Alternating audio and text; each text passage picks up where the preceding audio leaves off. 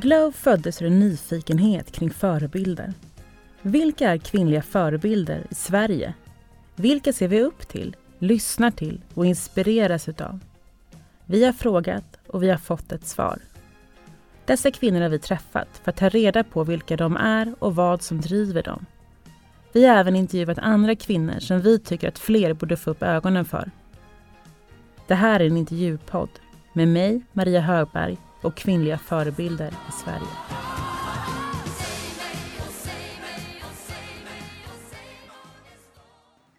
I dagens avsnitt träffar vi Klara Berglund som är från Västerås och född 15 december 1986 och hon är idag generalsekreterare för Sveriges kvinnolobby. Berglund mottog som 22-åring Freja stipendium för bland annat sitt arbete med att påverka attityder till funktionshindrade.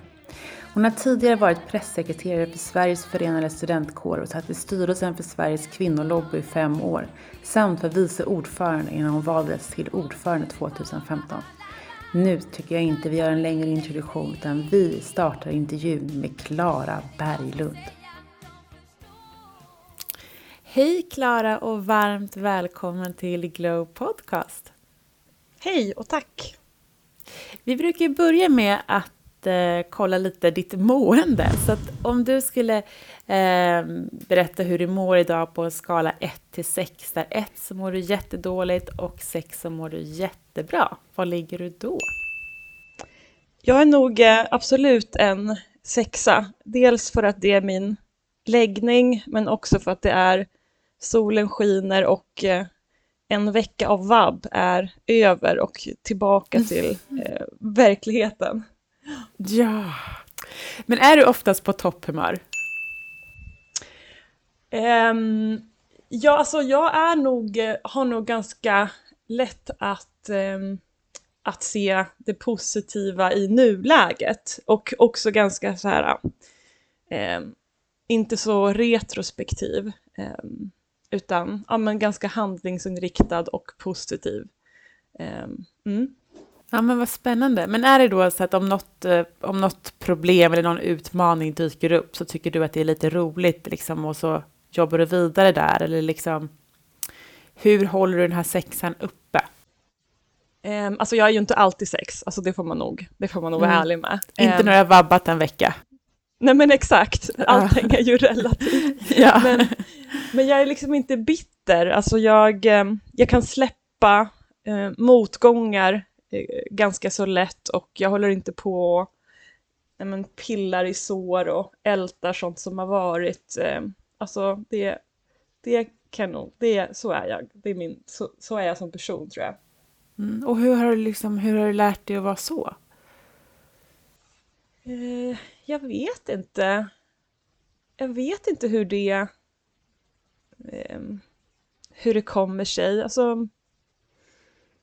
Eh, det är nog alltid, jag har nog alltid varit så, lite grann. Alltså det är inte bara positivt. Alltså ibland behöver man ju stanna upp och, och tänka och lära sig och utvärdera sig själv och sådana saker. Men jag, eh, jag är nog inte så men, så kritiskt lagd till när det gäller liksom, ja, jag tänker att saker och ting kommer gå bra och vi kommer klara det här. Och sen kanske det också har blivit så för att man, ja, men, om man jobbar med kvinnors rättigheter och jämställdhet så är det ofta ett stort motstånd och ibland så är det som att eh, man hade kanske inte orkat det eh, om man hade sett alla de eh, fallgropar och berg som finns framför en utan enda sättet att klara av det är kanske att fokusera på ja, men här finns en öppning, här kan vi komma framåt eh, och, och, och, och, ta tag i det.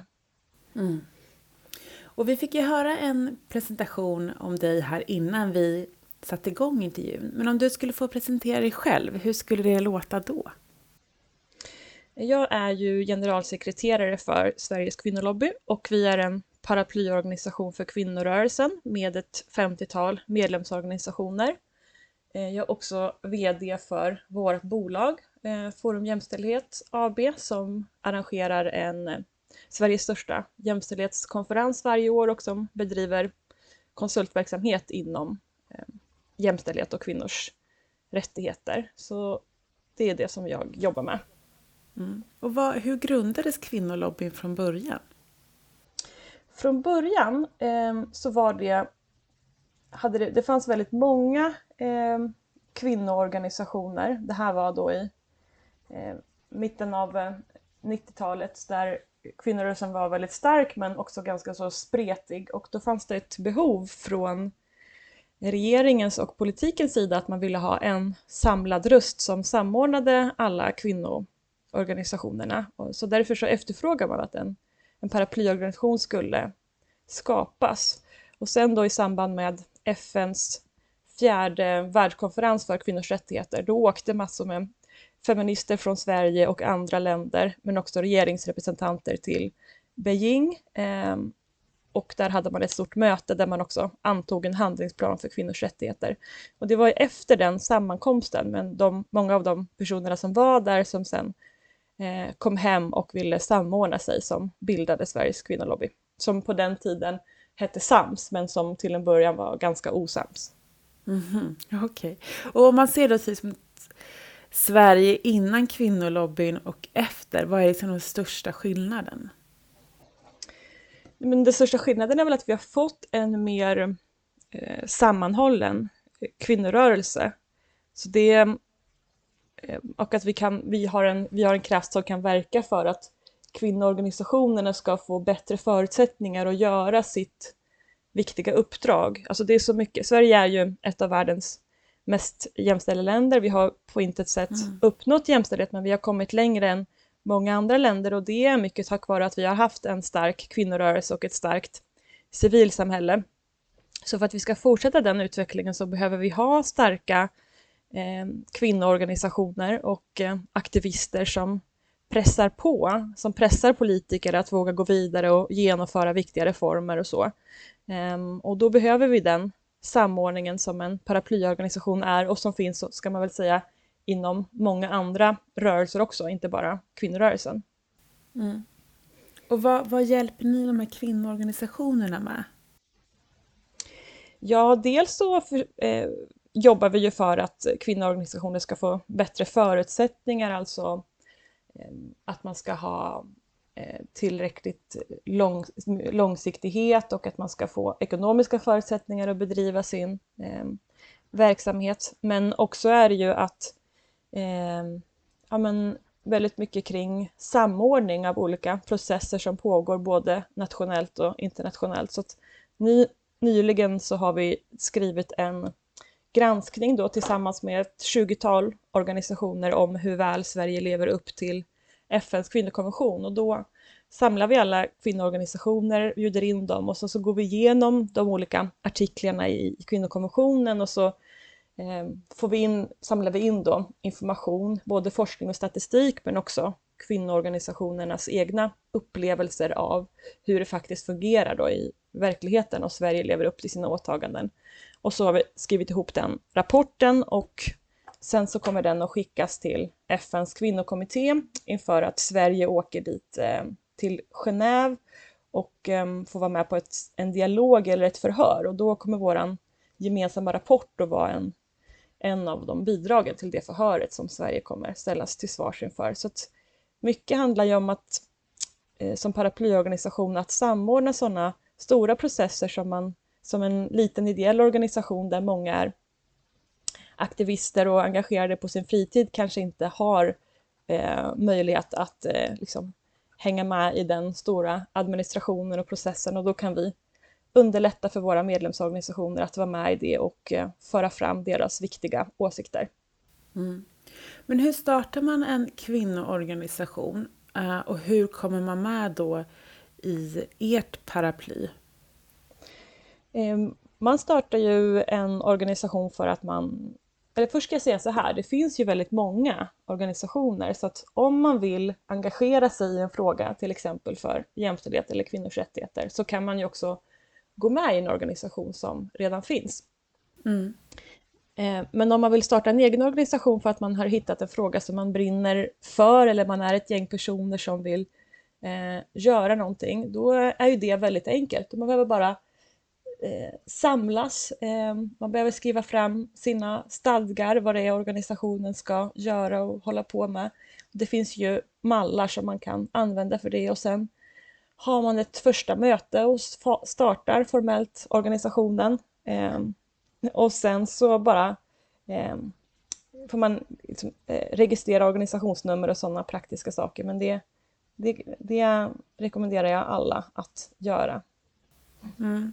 Men får alla vara med i er, hos er, alltså eh, under, under ert paraply? Eller säger ni nej till några? Eller ansöker man, eller hur? Ja precis, man ansöker om medlemskap och då måste man vara en kvinnoorganisation så 80 procent av medlemmarna måste vara kvinnor och man måste då eh, dela våran värdegrund vilket gör att vi jobbar för jämställdhet och kvinnors rättigheter utifrån FNs kvinnokonvention. Mm. Eh, så om man delar den värdegrunden och om man är en kvinnoorganisation och man är en demokratiskt eh, och ideell organisation så då, då eh, får man vara med. Mm. Vi samarbetar ju också med andra organisationer som inte är medlemmar och som inte är kvinnoorganisationer så att det är inte enda sättet att samarbeta med oss att vara medlem. Mm. Och du är ju generalsekreterare för kvinnolobbyn. Och vad är din roll? Vad gör du för någonting? Eh, min roll är ju att eh, leda den löpande verksamheten på kansliet och vara chef till medarbetarna som vi har. Vi är åtta personer anställda och att representera vår organisation eh, utåt i den löpande verksamheten. Så att vara med i, vara med i media, ehm, gå på olika möten med politiker och beslutsfattare eh, och sådana saker. Mm.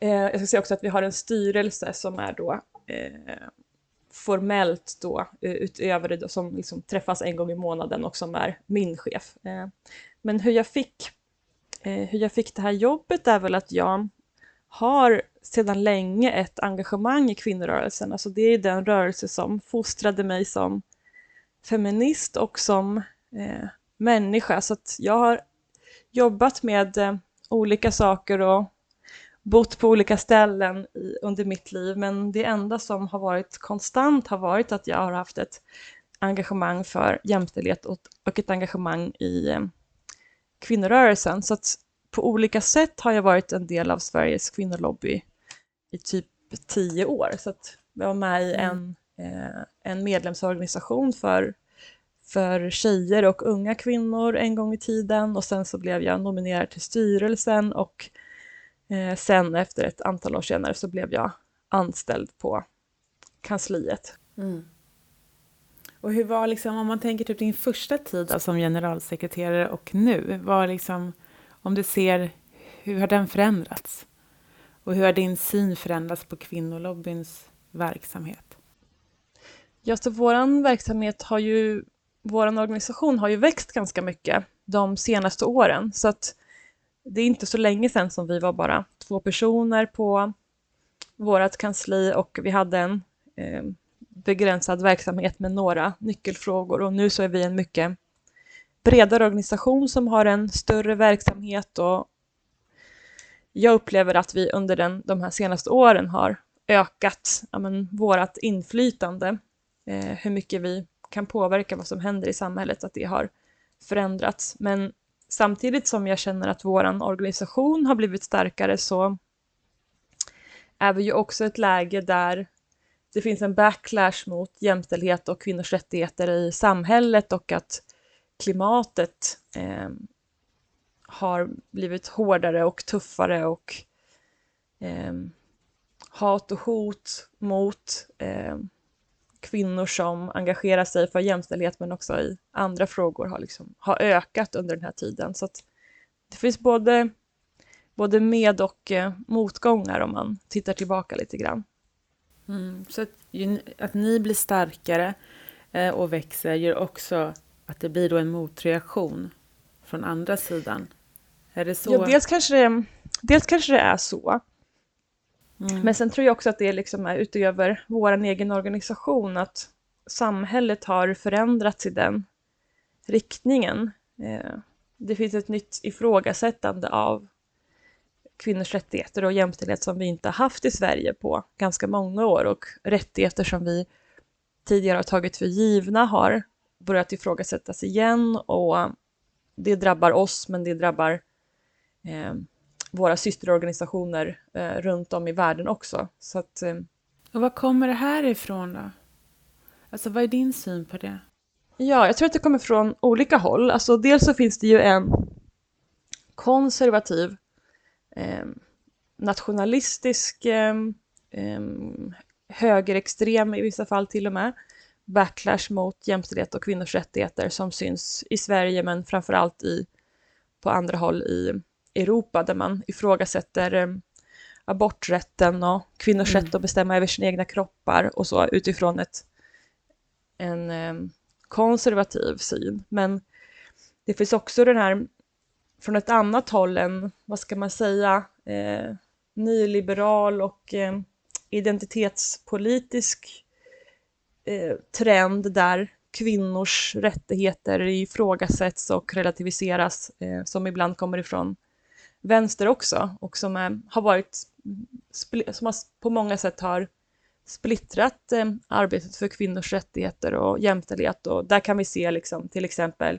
när det gäller eh, frågan om eh, eh prostitution till exempel, att man, det finns ett eh, nyvaket eh, motstånd mot, eh, mot eh, den svenska sexköpslagen eh, som ju liksom bottnar i en slags nyliberal rättighetssyn där man tycker att rättigheter kan köpas och säljas på en marknad. Och det kommer ju inte från höger, liksom, utan det menar jag, det, är, det kommer från ett annat håll. Och båda de här utvecklingarna händer samtidigt. Mm. Och vad, vad, liksom, vem är det som driver det här ser du då? Alltså det kan både vara höger och vänster, men liksom vilka, oavsett. Det är olika krafter som förenas i att man har ett motstånd för kvinnors rättigheter och det är inte alltid som det är det är inte alltid deras huvudsakliga drivkraft utan ibland är det en eh, konsekvens eh, av att man eh, har en annan liksom, ekonomisk hållning eller en annan eh, ideologi. Så det är inte alltid det som huvudsakligen är drivkraften, men det är det som är utkomsten. Och sen så, det hänger väl också ihop med en, en ökad polarisering i samhället i stort, där jämställdhetsfrågorna och frågor som handlar om kvinnors rättigheter och liv och villkor lite grann hamnar i kläm. Mm. Men det känns också som att eh, ju fler starka kvinnor vi får fram, desto fler liksom, motreaktioner kommer. Så är det ju. Och det är ju när kvinnor eh, tar makt eh, och, och utmanar det det rådande, den rådande ordningen, då är ju det en, en provokation som skapar både medvetna och omedvetna motreaktioner, både liksom hos individuella personer och på strukturell nivå. Så att så är det verkligen. Mm. För det kan jag bara märka så personligen att om jag, eh, om jag som stark kvinna driver saker liksom i positiv mening och liksom utvecklar och så, så får jag oftast liksom väldigt mycket applåder. Men när jag börjar ställa krav som är lite mm. obehagliga, då märker jag liksom att man snabbt förändras, alltså bilden förändras, då blir man lite jobbig helt plötsligt. Och det här vet jag att många liksom delar, och det är ju bara liksom i det lilla, i det liksom, vad ska man säga, i, i min värld. Men jag ser också liksom att det är precis på samma sätt att helt plötsligt så kommer det många så starka kvinnor som kommer upp och det är liksom debattartiklar, man tar större plats. Jag intervjuade Norsi förra veckan eh, och hon sa ju också att det finns fler liksom kvinnliga partiledare nu än någonsin. Eh, och då känns det som att helt plötsligt så tar vi, det, tar vi stegvis makt och då blir det någon slags liksom aggressions tillbaka. Eh, men hur vågar man då stå kvar där? Att man inte backar i det? Mm. Alltså, jag tror att jag, som jag personligen kanske inte är det bästa bollplanket i det för att mm, vi har jobbat, jag har jobbat på Sveriges kvinnolobby i, ja, men, på, i olika roller i, i tio års tid och vi är så himla van vid dålig stämning att jag, mm. jag, eh, Eh, Känner dig bekväm i dålig ställning? Ja men ibland så känner jag att man är något på spåren, alltså när det blir en Mm. motreaktion. Alltså, Mm. eh, bara som en sån, vi utbildar ju ju ganska mycket och då när man får sådana frågor från personer som liksom uppenbart inte håller med och som blir väldigt liksom provocerade av det man säger, då, då, känn, då liksom kan jag ibland få, ja men, inte bekväm av det, men jag känner att ja, men då är det någonting som är viktigt. Alltså man kan Mm. känna sig trygg i att då, då har ju det här som man säger, det har berörts och det har varit på viktigt, på riktigt, det kan, det kan förändra eh, någonting om det skapar den reaktionen. Mm. Men, men annars skulle jag säga att det är precis som, som du säger, att det är ju att man sluter upp bakom den personen som vågar eh, rubba och utmana den eh, ordningen, ofta patriarkala ordningen som råder. Och det, det tänker jag, du tog ju upp själv här, eh, de här kvinnliga partiledarna, Mm. att det är så tydlig skillnad när man tittar på eh, de, all, de kvinnor som vi nu har då, ett antal exempel på som eh, är och kanske framförallt har varit partiledare, att när det verkligen bränner till och gäller så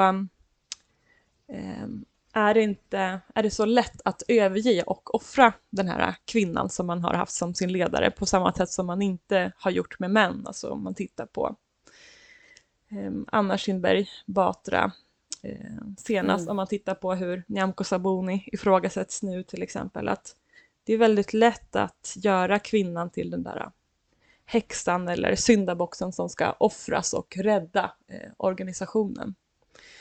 Ehm, mm. Vi hade ett samtal om det på vår senaste konferens som vi hade också med, eh, då hade vi med Mona Sahlin och eh, Anna Kinberg Batra eh, bland annat och ja, pratade ganska mycket om det. Och vad sa de? Eller vad kom ni fram till där? Vad kunde man göra åt det? Nej, men dels mycket det här om att ja, men, organisationer måste lära sig att ha kvinnor som ledare och vara solidariska med, med ett kvinnligt ledarskap. Ehm, men att, alltså, vilket ju bland annat handlar ju om att man måste inse att man ställer olika krav och förväntningar på kvinnor och män som ledare och eh, komma förbi det. Men jättemycket handlar ju också om hur ehm, hur kvinnor som är ledare granskas eh, utifrån. Så i, om man är på en sån position så är det ju framförallt av, eh, av media som ju har en väldigt, det är så tydligt när man går tillbaka och tittar på de klippen från till exempel Anna Kinberg Batra när hon var i, som allra mest eh, ifrågasatt på vilket sätt man beskrev hennes utseende och eh, beskrev hur, eh, hur hård hon var och att hon var en robot och så vidare. Men att hade en man betett sig på samma sätt så hade han kanske beskrivit som att ja, men han hade is i magen och han var rationell. Men när en Mm. kvinna beter sig på det sättet så är det att nu är det järnladyn och eh, hon är iskall och hon, har hon är känslolös och så vidare. Mm. Ehm, Och visar man känslor så tar man det personligt. Ja men exakt, det finns ju, det är det det är att eh, det går ju aldrig att göra rätt. Men media då? För de har ju en, liksom en väldigt viktig roll i hur de speglar personer. Hur kommer man åt media? Hur kan man påverka media? Ja, det är, en- det är, så, det är så intressant fråga för att nu är det ju också som att precis just nu de senaste veckorna där det har varit så mycket kritik kring eh, först, först den här direktsändningen av Göran Lamberts eh, presskonferens och Mm. eh, sen den här um, Soran Ismail-dokumentären som inte gav Mm. utrymme till de kvinnor som har anmält eh, honom för våldtäkt utan som bara förmedlade hans eh, perspektiv. Så, så känns det så lite deppigt faktiskt med hur man ska komma vidare med media. Alltså där känns det verkligen som att ja, men det har skett en, en backlash sen metoo eh, när det gäller medias porträttering och bevakning och utrymme av kvinnor och kvinnors berättelser. Men så hur man ska komma åt det så, eh, jag vet inte. Dels är det väl en förändrade normer och kulturer bland eh, journalister eh, eh på Eh, eh, de journalistutbildningar och annat eh, på mediehusen. Men sen så är det väl också att det går ju att ställa vissa krav och villkor eh, liksom som kan kräva i alla fall en mer jämställd representation och så i media. För det är också så att kvinnor och män syns ju olika mycket i media och i olika roller. Alltså män, män syns ju generellt betydligt mer i mediebevakning och syns ju oftare som framförallt i de här um, expertrollerna. Eh, mm. Som ju har liksom en, en så här, ges en st stort utrymme och stor vikt i medierapporteringen. Ehm, så det, de sakerna, liksom, när det gäller ren representation så går det ju att ställa olika krav, kanske kopplat till mediastöd och annat. Alltså man skulle kunna kräva till exempel att för att få ett mediastöd så ska man ha ett aktivt arbete med jämställdhet eller man ska ha mål om att förbättra sin representation eller sin eh, rapportering. Så det finns ju sådana saker man skulle kunna titta på och göra eh, också. Mm. Som det skulle behöva debatteras mer. Mm. Ja, för det jag tänker, så nu har jag ju pratat med Ebba Busch Thor, jag har pratat med Nooshi, de står ju väldigt långt ifrån varandra politiskt, men de har en samsyn om att det ska bli mer jämställt och att den här frågan är väldigt central. Eh, det finns otroligt mycket, som sagt, det finns ni, det finns många organisationer som jobbar för den här frågan, men det känns ändå inte som att den krokar i krokar an i verkligheten på något sätt. Eh, vad, liksom, vad är det som krävs? Alltså, vad behövs för att man ska få liksom, det här fästet? Att folk förstår att vi kan inte sända såna här eh, ensidiga dokumentärer eller vi kan inte ha sån här eh, typ av lagstiftning. Eller, alltså, förstå, så när, när, får det liksom, när tror du att vi kommer få effekt? Ja, alltså det är en bra fråga för att det är just de här sakerna som har hänt på senare tid som får i alla fall mig att tvivla på det för att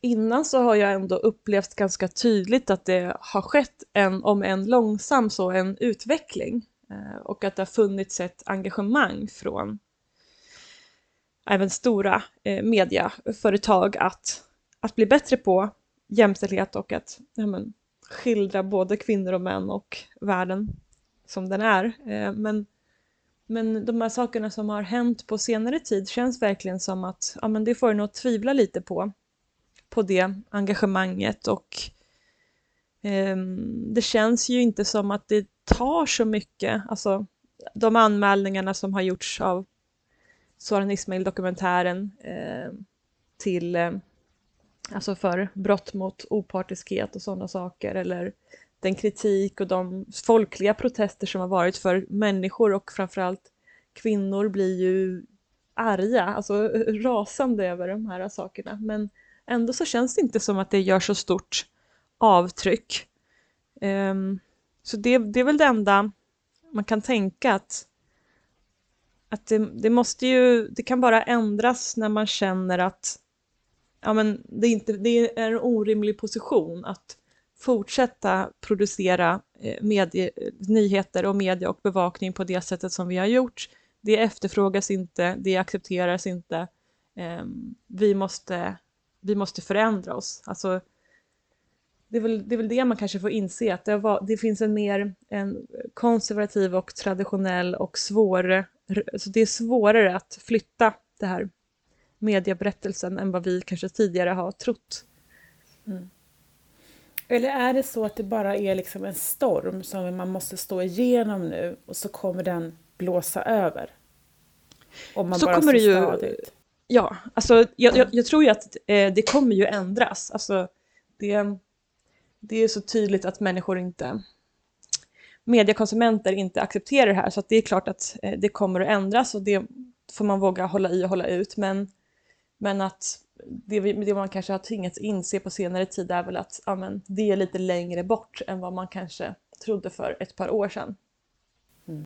Men som vi var inne på kanske tidigare också att det blir ju en motreaktion, alltså när det sker ett när man, när man tar ett steg framåt så flyttar också motståndet fram sina positioner och stärker sig och vässar sig. Så att det är väl att det blir den här konflikten är väl ett hälsotecken i sig kanske.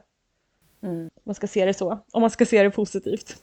Ja, sista. Men det blir så svårt hur man tänker, för ibland, ibland tänker, man, tänker jag precis som dig, men herregud, vad händer? Det går tillbaka. Och så tänker jag så här, å andra sidan, men det kanske måste gå tillbaka för att visa, för att det, då blir det också så uppenbart problematiken igen. Eh, för att sen komma över det, alltså om man ska tänka det positivt. Så det är väl någonstans där man liksom bollar sitt perspektiv i hur jämställdheten utvecklas. Ja, och så, så har det ju varit när man ser historiskt också, att det är aldrig en spikrak bana utan det kommer ett antal år då det tas liksom eh, det sker vissa framsteg liksom och eh, det finns ett momentum och ett aktivt arbete för det och sen så eh, kommer det några år av stillastående eller till och med motstånd och sen så kan man ta ytterligare framsteg. Så det är väl det som är det är väl det som händer helt enkelt. Mm. Och om man ser då liksom på, på din roll nu som du har i kvinnolobbyn. Vad vill du uppnå när du är klar med den, den rollen? Alltså det som driver mig är ju att känna att eh, ens arbete gör skillnad. Eh, alltså att det, det känns meningsfullt och när jag går till jobbet kan jag känna att jag har uträttat någonting som har Eh, påverkat eh, kvinnors och flickors liv till det bättre. Det är det som är min drivkraft och det är väl det man vill känna när man ser tillbaka på den delen av sitt yrkesliv också, att man faktiskt uträttade dem, uträttade. Man uträttade något som var viktigt och var en del av en, en rörelse. Mm. Och om, om de som lyssnar nu blir inspirerade och vill göra någonting, då, vad, vad, är liksom är dina, vad är dina tips för att hjälpa till? Eller driva den här frågan framåt? Så dels så skulle jag vilja, som vi var inne på lite innan också, men just det här med att organisera sig och gå samman för att i den tiden vi lever i nu så är det ju det är ju det är jättestor skillnad bara sen, ja, men sen jag var eh, tonåring så jämfört med hur det är nu i att nästan all aktivism sker på Ehm, sociala medier och i olika grupper och olika digitala aktiviteter och, och jag tror att man eh, jag tror att det är jätteviktigt men jag tror också att man behöver komma samman med andra människor som är eh, man kan liksom stötta och driva eh, någonting tillsammans, gemensamt, solidariskt. Att det är inte bara liksom utvecklande för en själv, men det är också det som jag tror är sättet att hålla, i, hålla ut och kunna föra en kamp framåt. Så det skulle vara mitt råd att så här, ta sitt engagemang eh, utanför den digitala plattformarna. Mm. Och ni har ju också då i, i ert bolag eh, Sveriges största konferens om jämställdhet. Vilka får gå på den då? Är det bara eh, genom jobbet eller får man gå privat eller? Eh, det är ju framförallt en professionell konferens för de som arbetar med jämställdhet på olika sätt. Så det är jättemycket anställda i eh, kommuner och regioner, eh, delar av näringslivet som arbetar med jämställdhet, mycket fackförbund. Men sen så har ju vi aktiviteter året runt som är gratis och som vänder sig till alla som brinner för feminism, jämställdhet och kvinnors rättigheter. Eh, som är öppna och just nu är det ju mycket webbinarier och sånt men eh, det kommer komma en tid där vi också kan ha fysiska mm. träffar och möten och konferenser som kommer vara för alla. Så att... mm. Och allt det här hittar man på er hemsida? Ja, det gör man. Ja, för jag tänker om någon känner sig att vad ska jag, vad ska jag vända mig så är ju det jättebra att vända sig just till er om man vill. Också kanske ja. få tips på organisationer som man kan organisera sig, som man kan delta i. Exakt, så det finns på vår hemsida en lista över alla våra medlemsorganisationer. Det finns sådana här olika kit, hur gör man när man startar en organisation och vad ska man tänka på? Så lite olika sådana saker finns där också. Mm, mm.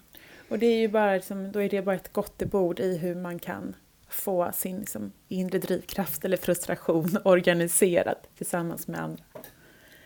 Ja. Mm. Härligt, men då ska vi gå vidare till dilemma. Ja, har, spännande. Ja, du har fyra knappar framför dig. Vilken knapp trycker du på? Världsfred, total jämställdhet, ingen mer fattigdom, en för alltid hållbar miljö. Oj, svårt. Eh, så för mig så hänger ju alla de här sakerna ihop eh, och är omöjliga att skilja på varandra. Eh, och jag kommer nu, jag kommer nu göra det förutsägbara och trycka på jämställdhetsknappen. Men det är för att eh, med ökad jämställdhet så eh, det är ett sätt att eh, minska konflikter och våld eh, i världen. Eh, det är ett sätt att, eh, att ehm, få en mer, Eh, alltså ett, ett sätt att bromsa eh, klimat eh, klimatförändringar. Eh, det är också ett sätt att eh, minska fattigdom. Så att om vi, om vi kan öka jämställdheten och förbättra kvinnors och flickors liv så skapar det en rörelse inom alla de här områdena. Så att därför kommer jag trycka på den knappen. Men jag tycker ju då inte egentligen att man ska, att man ska liksom behöva ställa det mot varandra såklart. Mm.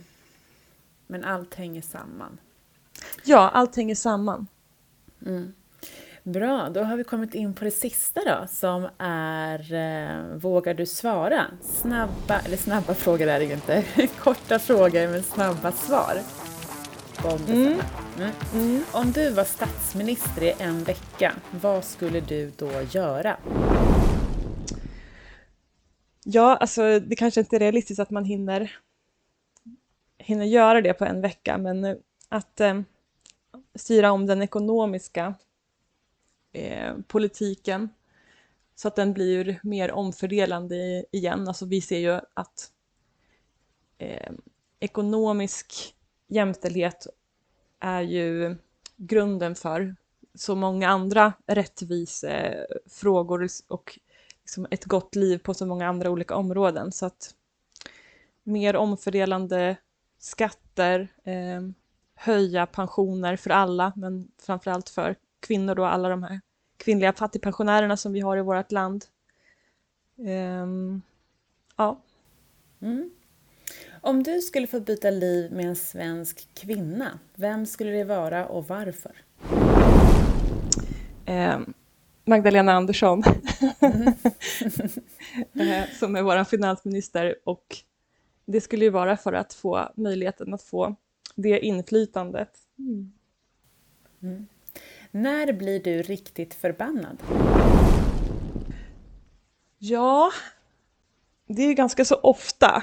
Ehm, jag tror jag blir liksom riktigt förbannad när man bortser från ehm, men när man bortser från eh, den stora, den stora gruppen, alltså som till exempel den här frågan med kvinnors pensioner, det är en sån fråga som liksom jag tuggar fradga över för att man blir så upprörd. Alltså det, är inte en, det är inte en liten grupp utan det är en stor grupp kvinnor, ofta som har arbetat hela sitt liv i välfärden genom och tagit hand om andra människor men som nu liksom har så låg pension att de inte ens, liksom, vissa av dem till och med lever under fattigdomsgränsen och de måste få bidrag för att klara liv och uppehålle och liksom samhället eh, spottar på deras livsverk.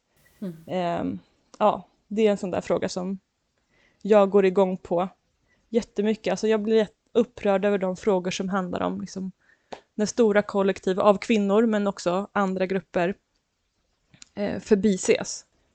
Mm.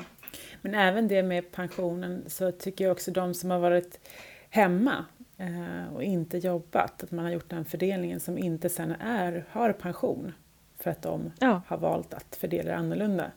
Det är också en så som, jag vet typ om jag har haft någon vän som har eh, valt att vara hemma några år med barnen så är allt så här, se till att du får lika mycket pension. Alltså försäkringar, mm. allting sånt. Det ska du liksom mm. inte byta ut. Och det tar man ju inte alltid för givet. Alltså man tänker inte så för man är i småbarnsåren och helt plötsligt så bara, någon måste liksom.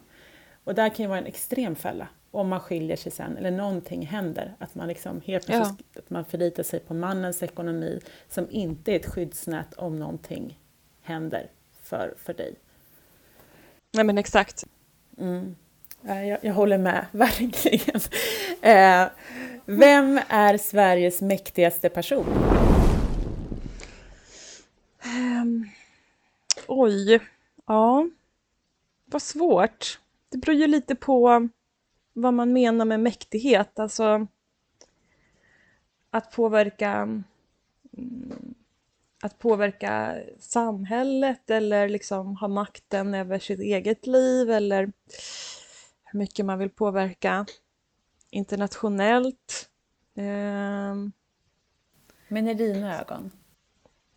Ja, alltså eftersom jag jobbar med politik och påverkan så är det ju eh, Stefan Löfven, våran statsminister, som har störst påverkan i det, men han är också så klämd mellan olika intressen och andra partier som också har ett väldigt stort inflytande och det finns också eh, näringslivsintressen och eh, ekonomiska intressen som är väldigt starka och, och som också har ett, kan ha ett globalt inflytande. Men jag säger Stefan Löfven ändå, tror jag. Mm. Och avslutningsvis, vem skulle du vilja lyssna till i Glow Podcast? Um, åh, det finns ju jättemånga. Nu pratade vi ju om Anna Kinberg Batra och det som hon har eh, varit mm. igenom som ifrågasatt kvinnlig ledare, men du har haft med henne va? Nej, henne har jag inte haft med. Nej, Nej. men då Så kan jag tipsa om det. Mm. Ja. Jag tror hon står med på listan, men mm. eh, det är väl kanon att få med henne. Men då får jag tacka så jättemycket för att du tog din tid att vara med här och bidra med dina kloka ord i podden. Tack! Tack för att jag fick vara med. Det var allt från intervjun med Klara Berglund och jag hoppas att ni får en underbar dag.